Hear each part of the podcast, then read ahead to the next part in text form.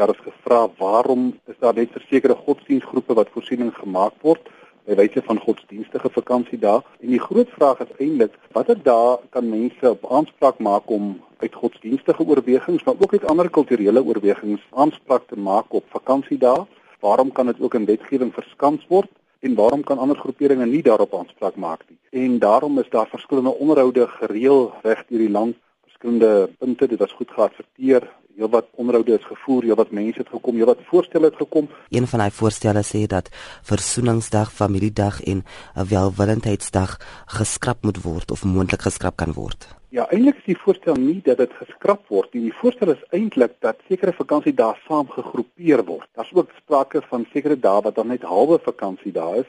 Sekere dae gaan vervang word. Miskien die mees ingrypendste is die voorstel dat as die 'n vakansiedag op 'n Sondag val, dat die maandag nie 'n vakansiedag hoef te wees nie. Dit is so dat daar gevoel was dat die dag van versoening daar weer na gekyk sal moet word. As ons net kyk gou net dan dat die herstrukturering. Vertel ons net watter dae gaan gedag gestruktureer word. Die voorgestelde formulering is dat dit so gegroepeer word nasionale vakansiedae, politieke vakansiedae, godsdienstige vakansiedae, dae van herinnering en dan die opsionele moontlikheid om dalk sekere dae halfdag vakansie te maak wat daarop neerkom iemand kry vergunning om die eerste gedeelte van die dag of die tweede gedeelte van die dag sy godsdienstige herinnering te laat plaasvind en dat dit dan normaalweg kan aangaan met die ander gedeelte. Die vraag is natuurlik, hoekom moet vakansiedae op sekere mense afgedwing word wat nie belang het by daardie vakansiedag nie? En dit maak nogal sin as jy dink dat eintlik net een groepering in die verlede erken was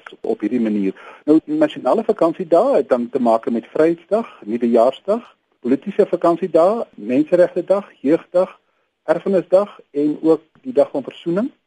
Dan godsdienstige vakansiedae, uh, Kersfees en Goeie Vrydag, die Afrikaanse tradisionele godsdienstverhale wil ook 'n dag daar hê en dan ook van die ander godsdienstgroeperinge hoe dit gaan plaasvind sal dit vir ons uitgespel moet word uh, Judaïsme, Hindoeïsme, Islam, Boeddhisme, die Baha'is en die Rastafariërs almal aanspraak gemaak. Hulle wil ook graag so 'n dag hê. Herinneringsdag, Werkersdag, Vrouedag word dan saamgegroepeer as een dag as jy voorstel en dan die opsionele halwe dag, Vrouedag en uh, dalk ook die dag van versoening. So is daar enige planne vir nuwe vakansiedae vir alles as kyk na heilige dae? Daar sal moet gekyk word na dae. Dit hoef nie noodwendig 'n amptelike vakansiedag te wees nie, maar dit kan ook op die kalender aangedui word as 'n spesiale dag.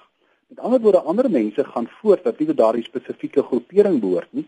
Hulle gaan voort met normale aktiwiteite, maar ander mense neem kennis hiervan of dit op die amptelike kalender verskyn, neem kennis daarvan en uh, daar kan ook 'n wederwysige respek en verdragsaam met teenoor mekaar so gekweek. Nou die voorstel is aan die presidentskap oorgehandig. Is daar enige aanduiding of wanneer hierdie voorstel dan goedgekeur kan word? Daar's ander rolspelers natuurlik 'n groot inspraak ook hiermee het. Dit natuurlik ook die departement van uh, binnelandse sake, die departement van onderwys, die departement van arbeid Hierdie is dus net voorstelle. Dit sal nou verder geneem word. Ongelukkig gaan dit tyd neem.